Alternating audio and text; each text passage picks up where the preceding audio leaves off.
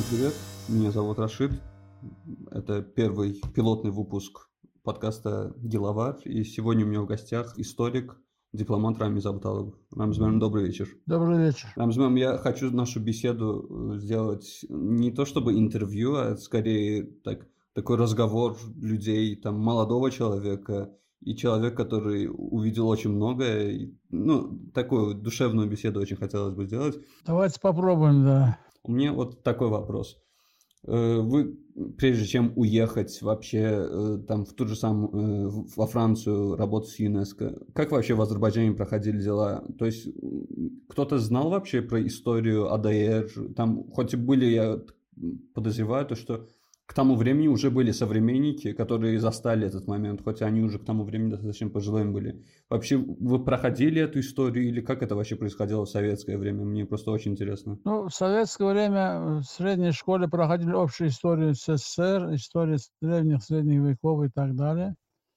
Конкретно история была ну, буквально пару часов советский Азербайджан – ну, а Первой Республике практически была там одна строчка, что буржуазное правительство или буржуазные элементы, что такое. Да, очень коротко. Потом в университете, кстати, когда я поступил в университет, 54 год, э, там ввели нам один семестр на всех факультетах. Это впервые история Азербайджана.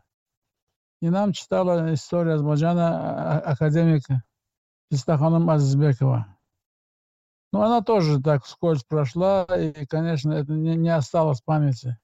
Ну, кое-что мы дома слышали, конечно, какие-то отдельные моменты, особенно связано с 1937 годом, с, э, с, с культом личности Сталина и так далее. Кое-что слышали, но, конечно, особенно не обсуждали и так далее. А у вас у самого какие были знания? Были какие-то знания про АДР? Или вы об этом во всем узнали, когда поехали? Впервые я прочитал, я, значит, я вам так скажу, да, я когда учился в Москве в Академии внешней торговли, там был факультет, новый создан факультет международных экономистов-международников. Факультет, где готовили специалистов для э, международных организаций. У нас были хорошие специалисты, но я, проблема у нас была с языком. Языки почти никто не знал. И вот факультет международной организации в Академии внешней торговли в основном был посвящен учению, изучению языка. И на третьем курсе нас всех послали э, на стажировку, на трехмесячную практику международной организации. И я так попал впервые в ЮНЕСКО. Из ЮНЕСКО я получил командировку на две недели в Бельгию и Англию. И вот в Англии я впервые, случайно совершенно, есть такой там Сассекский университет. В этом университете случайно я в библиотеке рассматривал книги и решил посмотреть раздел Азербайджан. И вот там я нашел книгу Фируза Казимзаде это американского ученого иранского происхождения. Ну, некоторые говорят, что азербайджанского происхождения, я точно не знаю. Фируз Кязымзаде «Борьба за Закавказье» на английском языке. То есть эта книга была полная история первых республик э, в Азербайджане, Грузии, Армении. Таким образом, из книги Кязымзаде я узнал более, так сказать, детально о Первой Республике. И каково было ваше ощущение? Ну, ощущение было, э, как говорится, запрещенно всегда приятно, э, как сказать, запрещенное сладкое. Хотелось больше изучать, и я, естественно, уже когда вернулся в Москву, потом э, я, я ехал на практику, значит, в октябре 70-го года в Париж на три месяца но потом уже принял участие на конкурсе на замещение вакантных должностей, потому что ЮНЕСКО и все международные организации принимают на основе, э, на конкурсной основе. Появляется вакансия, объявляется конкурс. Вот я пошел по конкурсу ЮНЕСКО, и, естественно, в ЮНЕСКО уже возникли знакомства постепенно, конечно, не сразу, с эмигрантами, и мне повезло, что я застал эмигрантов первой волны, то есть те, которые уехали в 2019 году.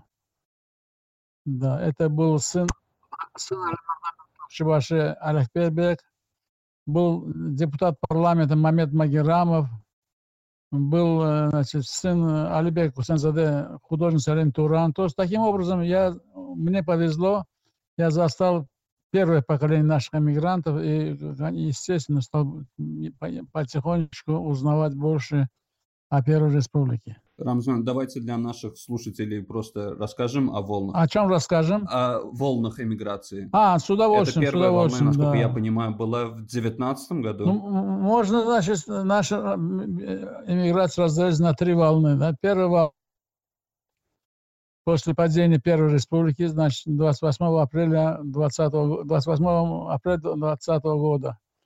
Значит, в основном кто, кто остался? Все дипломаты, которые были за рубежом в Турции, во Франции, они остались, были студенты, которые учились по направлению Первой Республики, они остались военные. Это 100 студентов, да, если не ошибаюсь, которые отправило правительство АДР? Это 100 человек, которые уехали учиться, но э, в основном большинство из них учились в Западной Европе.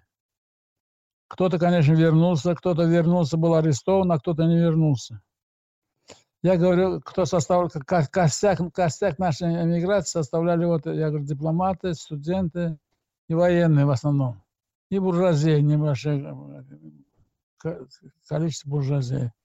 Военные, особенно после этих Кианджинского восстания в конце мая 2020 года, они все через Иран, Турцию перешли Э, на запад. Я потихонечку. Сперва в Иран, потом сперва на Турцию, потом кое-кто поехал в Польшу учиться. Военные, у нас несколько человек учились в военных, в военных э, вузах Польши. Вот таким образом сформировалась первая волна, это, мы можем считать, политическая миграция. Вторая волна после Второй мировой войны в 1945 году. Вы знаете, что были, значит, э, а, а, азербайджанцы, как также представители других национальностей, которые попали в плен. Одни остались в плену, погибли, другие, чтобы выжить, перешли, пошли в легионы. Восточные легионы при немецком вермахте. И после 1945 года они, естественно, боялись вернуться, потому что они служили у немцев, воевали против Советского Союза. Они остались Э, на Западе, в Америке, в Европе, Турции. И вот это, я считаю, второй волной. Третья волна уже началась, уже э, очень маленькая, у нас, по-моему, очень мало было в период э, диссидентских 70-х годов в Советском Союзе. У нас мало было, по-моему, 2-3 человека всего ехали из Баку. И четвертая волна уже вот сейчас, да, которая идет после 90-х годов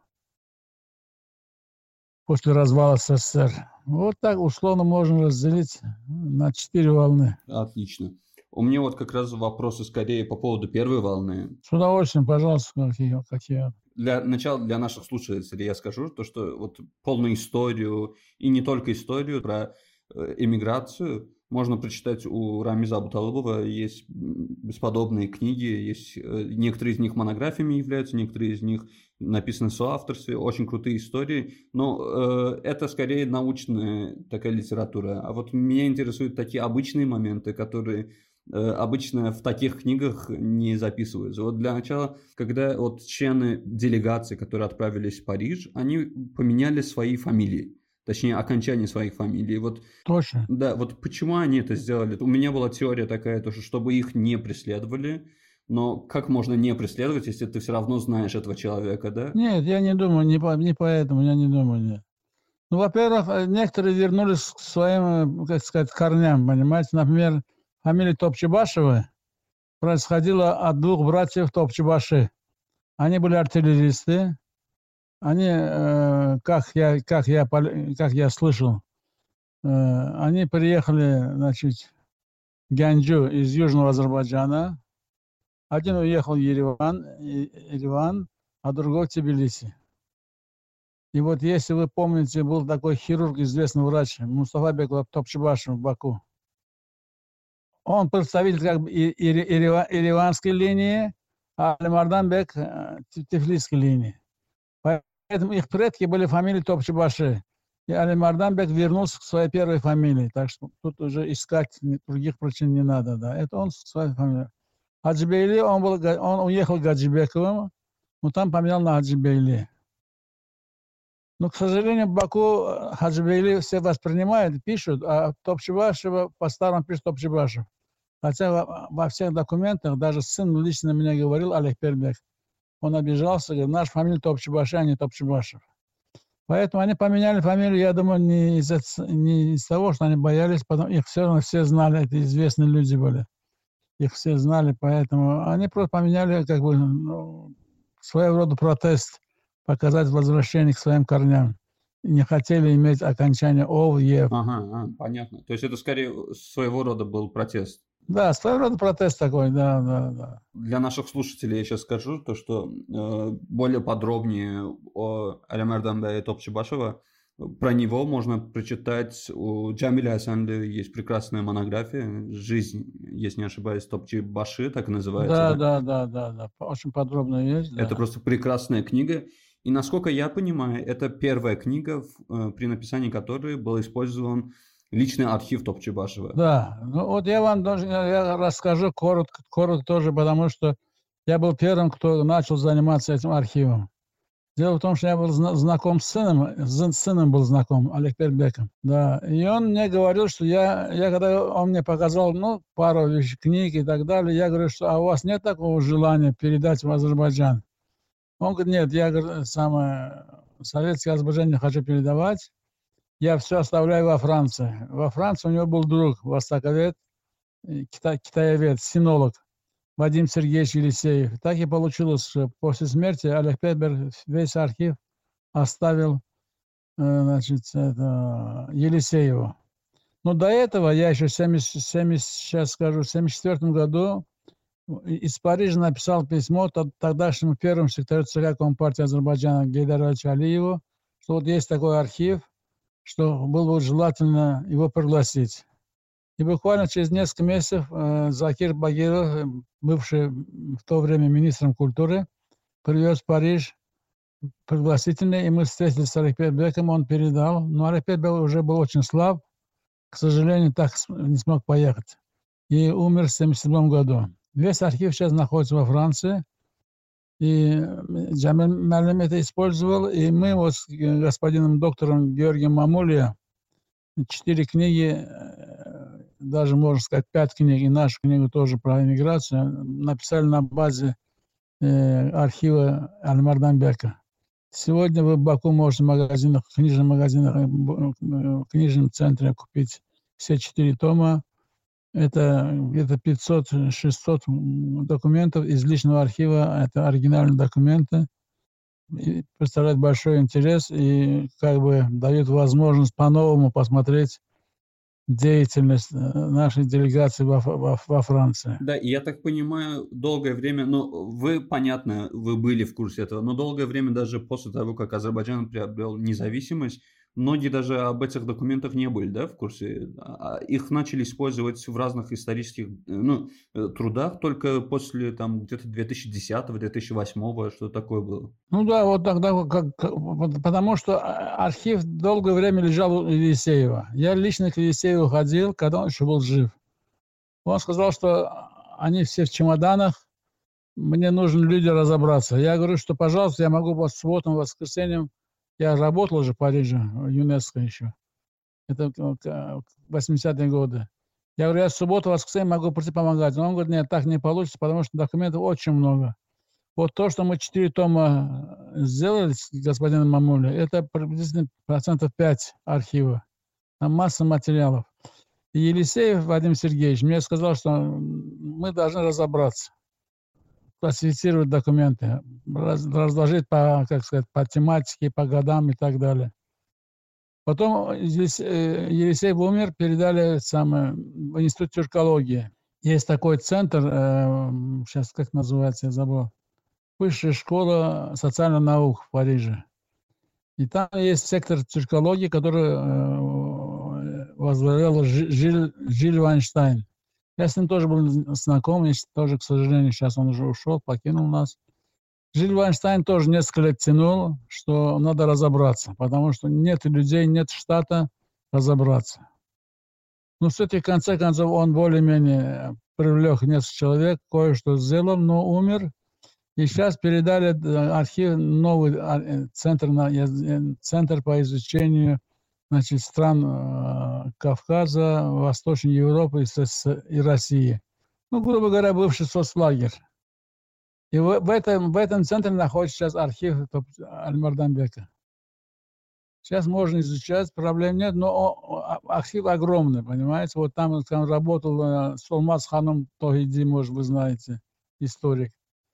Она работала, э, Джамиль Мялем, Геишев, э, Алтай Геишев, ну, естественно, мы и так далее. Уже, в принципе, много людей знают об этом.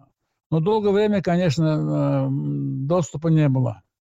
Даже сейчас немножко затруднено, потому что, опять-таки, как сказать, в общем классификация сделана, понимаете? Вот некоторые вещи труд, трудно находить. Не знаешь, где, должна быть хорошая классификация, чтобы Э, искатель, исследователь сразу мог, как сказать, пойти по правильной пути. У меня такой вопрос по поводу архива, потому что очень интересная вещь. Э, то, что э, он даже продолжался, насколько я понимаю, даже после смерти самого Топчебаши. Да, сын вел после смерти, это, это тоже есть. Мы это использовали, кое-какие документы. Это после его смерти это сын собирал уже. И да, еще кроме того, я вспомнил, дело в том, что когда Альмартамбек умер, исполняющим обязанности, то есть его заменял Мирьягуб Мехтиев. И вся переписка Мирьягу Мехтева тоже по, по дипломатическим каналам того времени тоже находится в архиве. Он отдавал сыну, а, а, Алексею отдавал.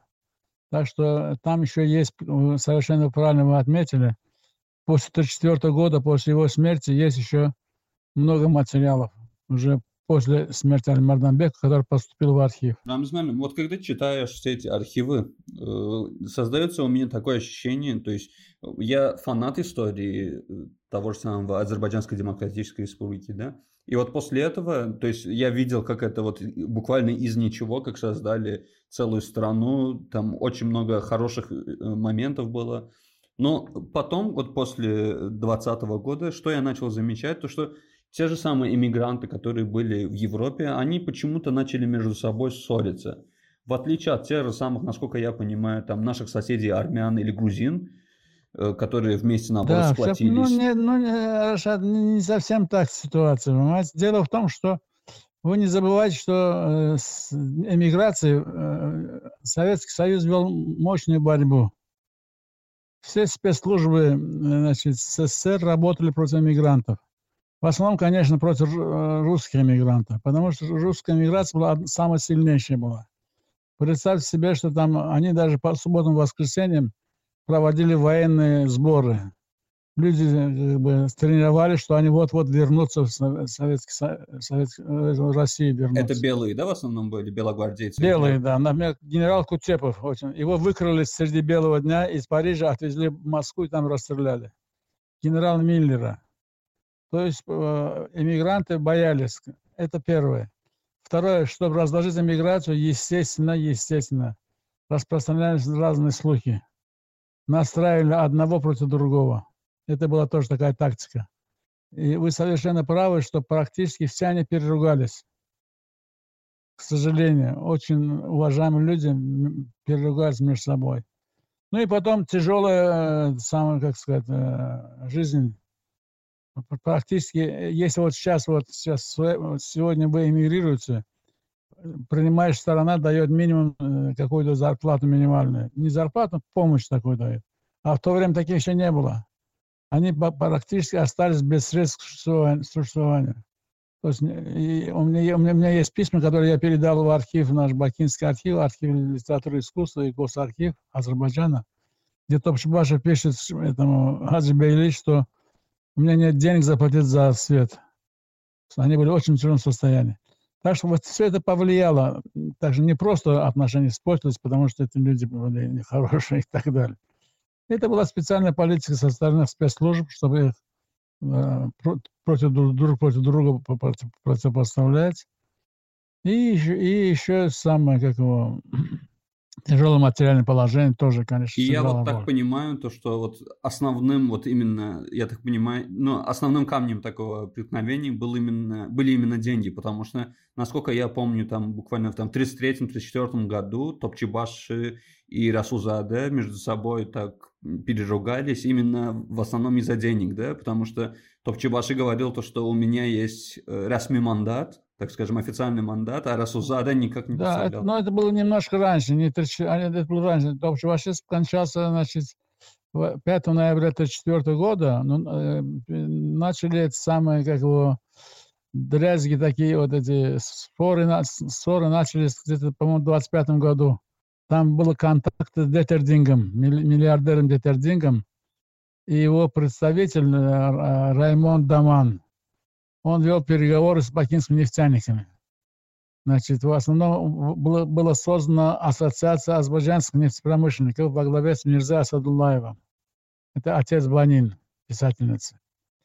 Мирза Асадуллаев и другие, там был Тагиев, там Мосин Салимов, братья Меликовы – это были крупные промышленники, которые имели земли. И 25-й год как раз был такой год, что, вы знаете, где-то в 22-м, 23-м начался дикий голод в СССР. И на, на Западе думали, вот-вот СССР падет, понимаете? И они стали скупать э, нефтяные, брать кон, кон, концессии. То есть, как это, вы знаете, как золотоискатели бывают, говорят, застолбить участок. Вот они тоже старались застолбить свое участие, давали немножко денег, что этот участок мы берем. С тем, что когда СССР развалится, чтобы они могли уже эксплуатировать эти ну, участки. А чьи это были места? Ну, условно, скажем, скажем, скажем, там столько десятин земли, тогда десятин стали, да, нефтеносной земли у Асадулаева. Тетерин хочет купить. Но чтобы оформить официально, только, только через делегацию потому что делегация должна была дать э, последнее добро. Потому что это как бы недра принадлежали в то время тоже государству, понимаете? И нефтепромышленник сам не мог без государства продать свою землю иностранцу. Поэтому э, основную роль как бы между деньгом покупателем и продающим играла делегация. И они без их разрешения, естественно, какой-то процент оставался для делегации, потому что делегация должна как бы существовать. Это первый источник был э, получения денег, вот, появился в 25 году. Был еще один источник, это уже позже, когда был создан движение Прометей, наверное, вы слышали. Да, да, польское движение. Это была идея маршала Пилсудского, движение Прометей, объединить э, самые страны, которые были воюющие против СССР. То есть созда- создать кордон из, э, из стран недружественных России, вокруг России. И тогда Польша выделяла э, суммы тоже для издания книг там, и так далее, и так далее, статей. Польша предложила так, что и, и Армения, и Грузия, и Азербайджан, и Северный Кавказ, Дагестан, но Армения потом не участвовала, что мы можем помогать только одной организации. Не всем организациям, а потому что организация была масса, понимаете? Только одной. Создайте национальный центр. И вот в феврале 27 года был создан Азербайджанский национальный центр, э, почетный председатель Альмарданбек Топчебаши, значит, генеральный секретарь, это Мамедамин Расулзаде и его заместитель Хальби Хасмамедов. И вот туда стали посылать деньги. И вот э, Мамедамин предложил общую кассу сделать, там то, что получает Альмардамбек от э, Детердинга, от бизнесменов, и то, что получает это самое, и все нам направить, естественно, на пропагандистскую работу. Ну естественно, и на содержание этих людей, которые работают над этим вопросом. Вот здесь возникло трение. И это, конечно, неприятный факт, но, к сожалению, было. Что делать? Жизнь была такая. Ну, у нас от книги подробно написано. Вы до этого упомянули спецслужбы. И буквально пять лет назад, когда я только-только начал читать ваши книги, там книги господина Мамули, и как раз в это время вышел фильм Баку медиацентра э, Абаде Замият, я тоже участвовал там тоже, да. Да, я когда просто, то есть просто в интернете пишешь назва... там, фамилию Топчебашев, и тебе там выдает список всех работ, которые были. И я нашел э, одну э, научную статью э, от, от доцента кафедры истории в Бакинском государственном университете. Я не помню э, имя этой женщины, имя и фамилию этой женщины. Так вот, она... Сафарова, Сафа, Сафарова. Да-да-да, вот. И вот... Ну, по-моему, Сафарова университет, да. Да, ведь, и вот а, у нее был э, список, точнее, она использовала архивные материалы из ЧК. То есть э, у чекистов этот архив все еще существует, этот архив находится в ДТХ. Я даже э, тоже пошел, я написал на имя тогда, когда это было еще министерство, на имя министра там заявление, и пошел тоже читать. И вон там я нашел один донос от э, э, анонима, к сожалению, там не было имени. И вот э, в некоторых из них там вот прям были э, протоколы встреч делегаций, которые проходили там, в Париже.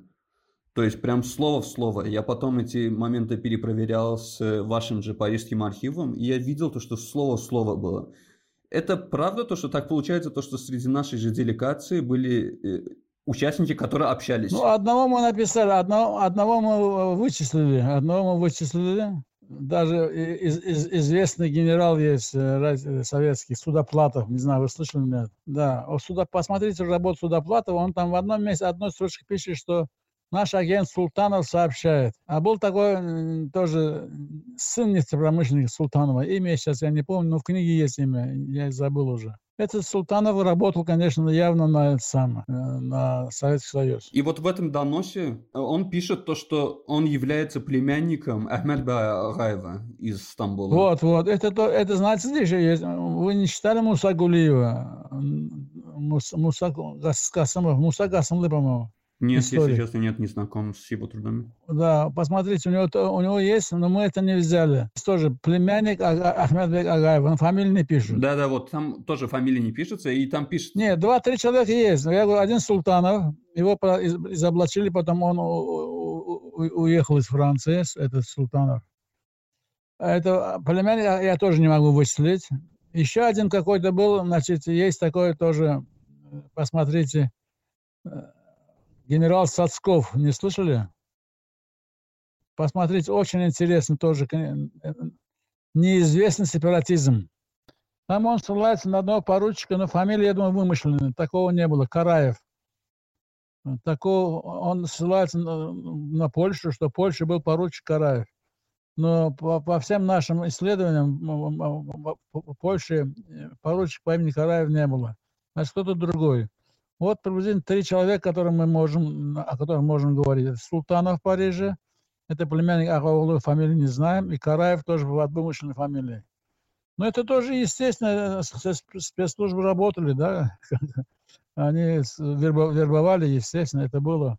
Это и в русской миграции было, в грузинской было, и так далее, в армянской было, это везде было. Да, не, то, что это было, да, это факт. Мне просто интересно было, знаете, как э, вот мы сейчас Э, там современники уже другой истории, и ты это читаешь, и иногда там какое-то разочарование появляется, иногда там э, ты не понимаешь, почему это так происходит, но в то же время понимаешь, что это история, и никаких сослагательных наклонений здесь не может быть. Это уже было, уже прошло. Не, ну да. это испокон веков было, тут никуда не, не денешься, к сожалению.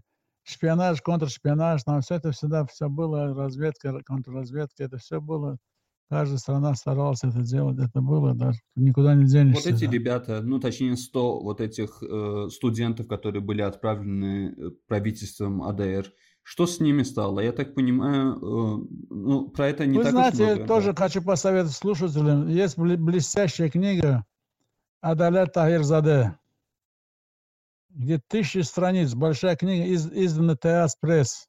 Это обо всех студентах, полная биография. Он всех нашел, представляете? Да, и там есть, и там есть группы, которые осталась за границей. Есть группы, которые вернулись, были арестованы. Есть группы, которые вернулись, выжили. Скажем, у меня, например, лично мой профессор кристаллографии Аслан Зайналович Визиров, он тоже во Франции кончал. Он умер своей смертью и до конца жизни нам преподавал. Кстати, самое интересное, что в 81 году или 80 году я в Париже нашел в архиве, или нет, нет, Мамед Магерамов дал мне фотографии студентов. И среди них Аслан Визиров. Я ему позвонил, ему вручил, он опешил просто. От, откуда у вас эта фотография? Он даже ну, ну да, я представляю, каково это было ему, да. Да, представляете, да. Мало того, что я еще нашел его заявление о том, что прошу мне, мне допустить к экзамену и так далее, и так далее, да. Ну, мы с ним были очень хороших отношениях, да, и он знал, что я там работаю, ЮНЕСКО и так далее. Так что, ну, поэтому, если кто интересуется студентами, это, конечно, только Адалат Тайрзаде. И у него еще одна книга есть, которую многие не знают, я тоже рекомендую. Дело в том, что до 20 то есть э, в советское время у нас писали, что азербайджанцев до революции было 62 человека с высшим образованием. А Далят Тайрзаде нашел уже 700 человек. И он издает азербайджанцев с высшим образованием до 20 года книгу, где, где уже, уже пятый том уже он печатает сейчас. Тоже интересный э, источник. Стоит познакомиться. Сколько было азербайджанцев до 20 года, получивших высшее образование в различных вузах России и Европы. Насколько я понимаю, я даже видел одно письмо, если не ошибаюсь, это в вашей же книге было. Э, насколько я понимаю, делегация, вот та же самая делегация, которая поехала на Парижскую мирную конференцию, первое время как-то помогала э, там тем же этим студентам. Да, там, значит, там такая история. Она помогала, естественно, потому что помощь шла через делегацию. Из Азербайджана послали деньги в делегацию, делегация им послала. Потом после советизации уже усложнилось. Значит, э, советская власть в Азербайджане значит, поставила условия, что те, которые лояльны новой власти, им будем платить. А те, которые выступали, критиковали и так далее, э, им платить не будем. И таким образом среди студентов тоже получился разлад. Одни стали как бы просоветские, скажем, в частности, мой педагог, он, конечно, я ему об этом не говорил, профессор, но в одном из э, бумаг я видел, что он просоветских взглядов. Поэтому он стипендию получил до конца. А другие, которые были антисоветских взглядов, им не платили. Так что вот такая проблема у студентов тоже была. Очень были студенты, которые были в тяжелейших условиях жили тоже. Даже, по-моему, двух арестовали, мы писали. Двух студентов арестовали. Шех Заманов еще один. Да, еще один, э, вы не знаю, слышали, нет, был такой Мир Касимов, президент Академии наук Азербайджана, первый президент. Октай Мир, Мир Касимов отец, кинорежиссера. Вот Октай Мир Касимов дядя, э, он тоже был студентом и там застрелился. Да, тоже, такие случаи тоже были. Жизнь была тяжело в то время. Вы говорите, что у некоторых студентов там или у некоторых там тех же самых эмигрантов менялись свои взгляды. Там они более просоветскими становились, там становились коммунистами. Это все от чего шло, по вашему мнению? От того, что у них не было денег, их никто не поддерживал, им угрожали здесь, в Баку, у них семьи были? Или из-за чего это все происходило? Ну, то, вы знаете, это трудно сказать, потому что, конечно, кто-то был, который исходил как бы со своих шкурных интересов, лишь бы прожить как-то. Это понятно, такие тоже были. Но были идейные тоже, понимаете, были, скажем, студенты были, которые были э, среди студентов всегда очень модно левые движения. Это во всем мире, так и то же самое было у нас. Были люди, которые э, придерживались левых идей, такие тоже были. Поэтому и были те, которые лишь бы, чтобы как-то проучиться, продержаться, Э, подделывались, перестраивались, как бы подстраивались к новой власти. Так тоже было. То есть это чисто жизненно, да, то, что мы в жизни видим. Вот тоже мы, мы, мы говорили вот про этих легионеров во Второй мировой войне. 300 тысяч попали в плен. Красный Крест не имел договора с Советским Союзом, поэтому не, не помогал. Все пленные получали помощь, кроме советских пленных были в тяжелейшем состоянии, многие погибали. Ну и кто-то сломался, пошел служить немцам. Такие тоже были, понимаете. Но были такие, которые служили, потом перешли снова на сторону Советского Союза. Пример, скажем, э, Мехти Гусейнзаде стал героем. Он, он был в легионе, потом перешел к итальянским партизанам. Ахмеде Джабраилов, который был в легионе, потом перешел французским партизанам. Уже воевал успешно на стороне партизан. Понимаете, такие тоже были. Так что это, в общем-то, жизнь, да, которая всегда везде бывает и проявляется.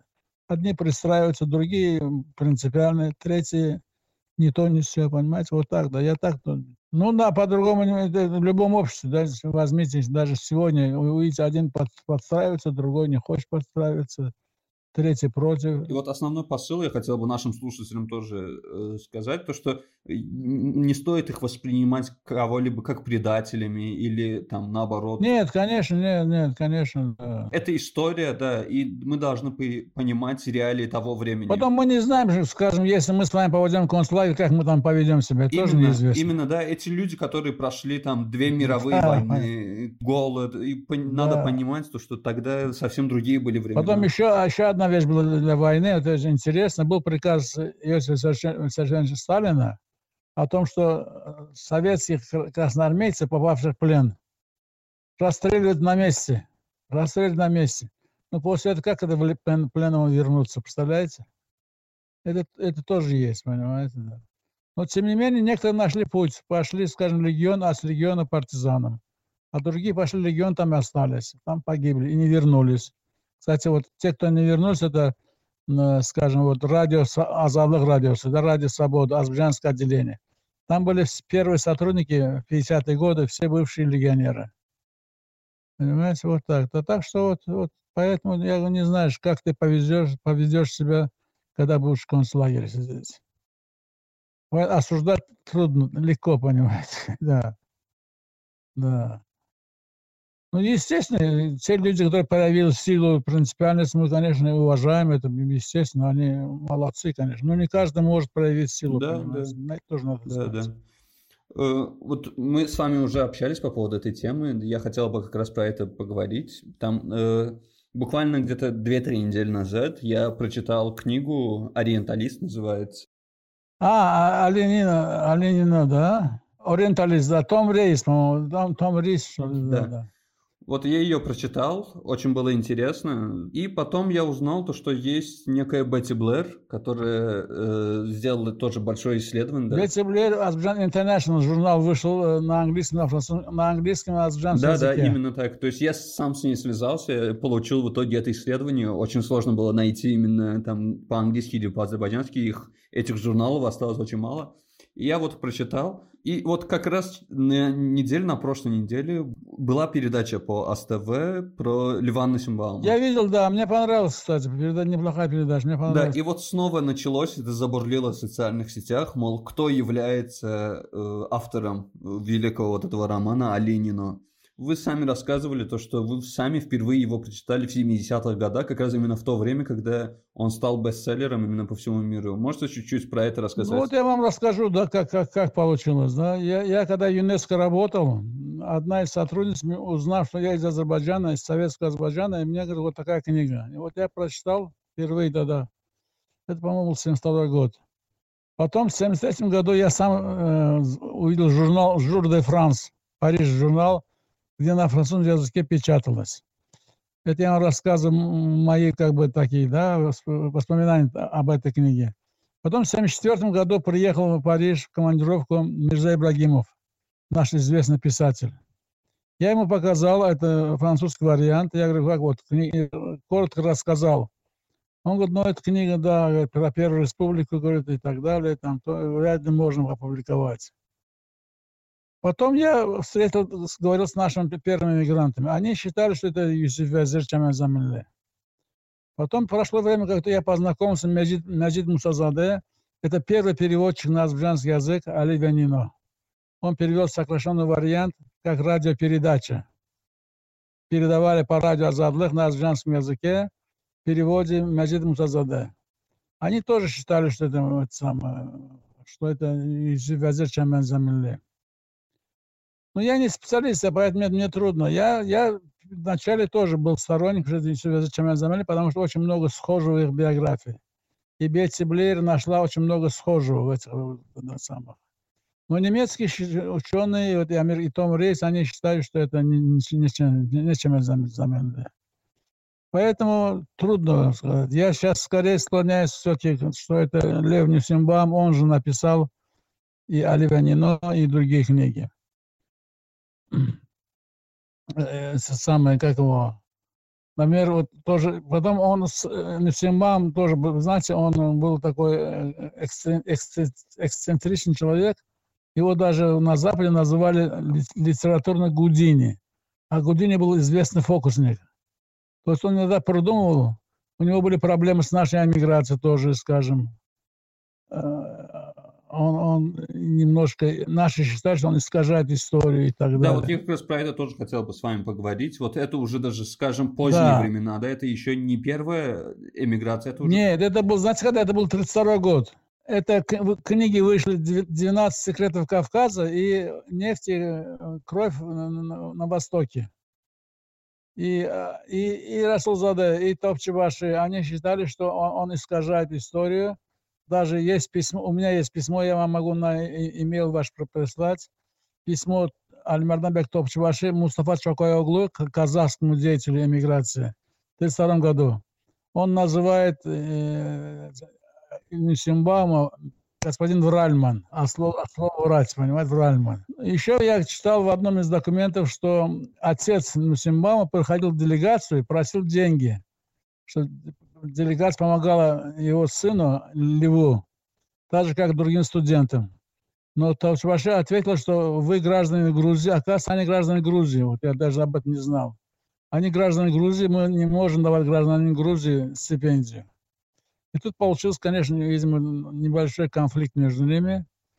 И поэтому азербайджанские эмигранты его не воспринимали. Особенно вот по книгам, двум книгам «Нефть и кровь на, на Востоке» и, что я сказал, «12 лет на Кавказе». Так что вот, вот, так, вот такой было. А насчет Алинино, я говорю, считаю, что все-таки, наверное, Леон Нисимбаум, мне кажется. Сейчас я так думаю. Потому что найти 100% документ, а Шамиль Замиль ни одной строчки нету. И потом, к сожалению, у нас спорят, но никто же не работает. Я не видел, что, а, например, только за рубежом два азербайджанца занимаются этим. Это Нурида Ханум, то, что вы видели, да, фильм, передачу? И Орхан Арас.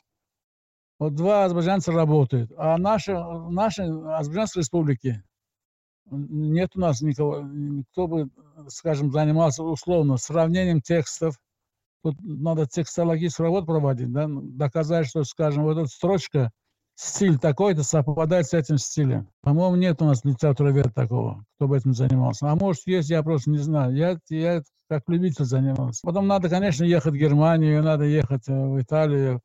Например, в Италии, где-то я тоже читал в одном из статей, его жена пишет это самое, Нусимбаума, жена пишет жалобу э, город Позитана, этому муниципальный совет, что мой муж такой-сякой и так далее. Имеется в виду, он обманщик, выдает себя за азербайджанца. Да, да. Прямо так написано. Азербайджанцы, понимаете? Там очень много было вообще непонятных. Поэтому надо, чтобы кто-то еще немецкий, чтобы знать, чтобы что-то сделать, понимаете? Надо в Германию ехать. Ну, в общем, если мое мнение спрашивать, я все-таки больше... Сперва я склонялся к Джамиль Заминле, а сейчас больше склоняюсь к Насимбауму. И передача мне понравилась. Нет, передача действительно взяла на высоком уровне, то есть они про все говорят. Я почему взял э, исследование вот Бетти Блэр, чтобы посмотреть о чем, то есть как историк нужно смотреть на разные там исследования, на разные точки зрения, и вот у Бетти Блэр я как-то заметил, что как будто она скорее опровержение такое тому Рису или тому Рейсу, мол, нет. И она тоже даже стопроцентно никак не может подтвердить то, что Юсиф Чамазаман... Нет, у меня тоже, я, кстати, с ней знаком, я очень, кстати, с ней общался много, когда она работала, я был в Баку жил, когда она работала над этим. Да, я тоже говорил, что я, я говорю, с вами согласен, но я чувствую, что не хватает чего-то еще для стопроцентного заявления не хватает. Понимаете? Она, она нашла, значит, нашла. Она, она молодец. Она в архив в Баку, то тоже вот факт, что никто из наших не мог знать. Она в Баку нашла в Бакинском архиве табель о успеваемости Нусимбаума. Она написала в этом в своем исследовании. И табель написано, и, и туземный язык, то есть азербайджанский, прочерк. Он азербайджанский не знал. Хотя говорят, что уже в зрелом возрасте он по-тюркски писал, по-турецки писал якобы. Может быть. То есть а, Бетти нашла в архиве то, что не могли найти наши. То есть это что показывает? Надо э, э, продолжать. В науке есть такое выражение, говорит, знаете, настоящий ученый должен, должен сомневаться всегда. Если не будешь сомневаться, истины не найдешь. Поэтому сказать сто процентов уже все исследовано, я думаю, рано. Надо э, дальше продолжать. И нашим, пожалуйста, почему нет? Да, сама же Бетти тоже не приходит к выводу, то есть у нее тоже нет стопроцентных доказательств. Она просто говорит то, что Лев Нусимбаум, да, написал это, от, э, потом, да, вот эта баронесса издала от его имени, там, Курбан Саид, да? Да, баронесса издала, да, да. да. Но она говорит то, что, мол, эту историю передал вот тому же самому Нусимбауму, мол, Юсиф Чамензаменли. То есть он, она вот так это приводит. Типа core автор, то есть основной ну, автор. Надо, да. надо доказать, да. И опять не исключать. Дело в том, что у Чамензаменли одна деталь есть в его произведениях. Интересно, что он когда голодал в нищенстве в Париже, он пишет такую вещь. Я своим одним другом писали заметки вести из Востока, липовые для французских газет, чтобы заработать. Представляете? И вот вполне может быть, да. И вот... Может, он что-то придумал тоже, Чамазамель, тоже может быть с кем-то. Но надо это найти, понимаете? Как по-вашему, это возможно найти вот сейчас уже в 2021 Я году? не знаю, я, это надо серьезно заниматься, честно говоря. Так, на нашем любительском уровне я не могу сказать, понимаете? Если я был бы специалистом, я, конечно, с удовольствием занимался бы. Но я был любителем, я просто был как бы одним из первых, кто встретил эту книгу, почитал и пообщался с азербайджанцами, которые перевели его на азербайджанский язык первые. Кстати, чтобы вы знали, первый перевел на азербайджанский язык это Мяджид Мусазаде, э, э, заведующий отделом азербайджанской редакции «Радио Свободы» 77-79 годы. Потом уже Мирза Хазар после 87 года, помните, такой был, да, тоже за отделом азербайджанской редакции, Мирза Хазар он перевел тоже на азербайджанский язык. Так что дважды переводили на азербайджанский язык. Ну, я думаю, что надо продолжать, да, искать надо, искать надо, искать. Может, что-то найдут, ну, не знаю. Ну, хотя, видите, наши говорят, что уже в, в Германии все исследовано. Не да, знаю. и вот в этом фильме было вот единственное новое, это то, что, оказывается, нашли э, там завещание вот этой баронессы, мол, то, что она там прямым прям текстом и говорит, то, что я в, этот, издавалась от имени Курбан Саида э, по там, э, ну, по инструкции, грубо говоря, так скажем, Ливану Симбаум Ассадбе. Ну, вот это единственное новое было, да. Вот это новое было, на самом деле. То есть до этого такого не было. Это да. новое. И потом еще одна вещь есть, там интересно, они не сказали, я вот сейчас вспомнил, пока говорил с вами. У меня был итальянский вариант, то есть а, в Италии Гурбан Саид издал, а, то есть Лев Невсимбам издал Али Нино не, не под названием Гурбан Саид, а под названием Асадбек. Тоже почему интересно, понимаете? В Германии он издавал Курбан Саид, а в Италии он уже издал, а, а, и потом назвал по-другому. Алихан, не Али Ванино, Алихан, автор Эсадбей. Вот никто этим не занимается. Почему он так сделал? В связи с чем? Было очень интересно с вами побеседовать. А, пожалуйста, вам спасибо, что вспомнили. Спасибо. Да, не, реально было очень интересно. Нам один из немногих людей, с кем можно вообще поговорить про э, политэмиграцию, которая происходила. Это сейчас мы очень много говорим про политэмиграцию с современниками, которые сейчас взяли, уехали. А с теми, которые их уже в живых не осталось, с ними уже нереально поговорить. А вот с Шаном Измайлевым, который был знаком со всеми, с ними, очень интересно говорить. Да, мне повезло. Первых, первых встретил, да, успел застать. Фактически я сейчас последний, кто их видел, да. Уже никого не осталось из знакомых.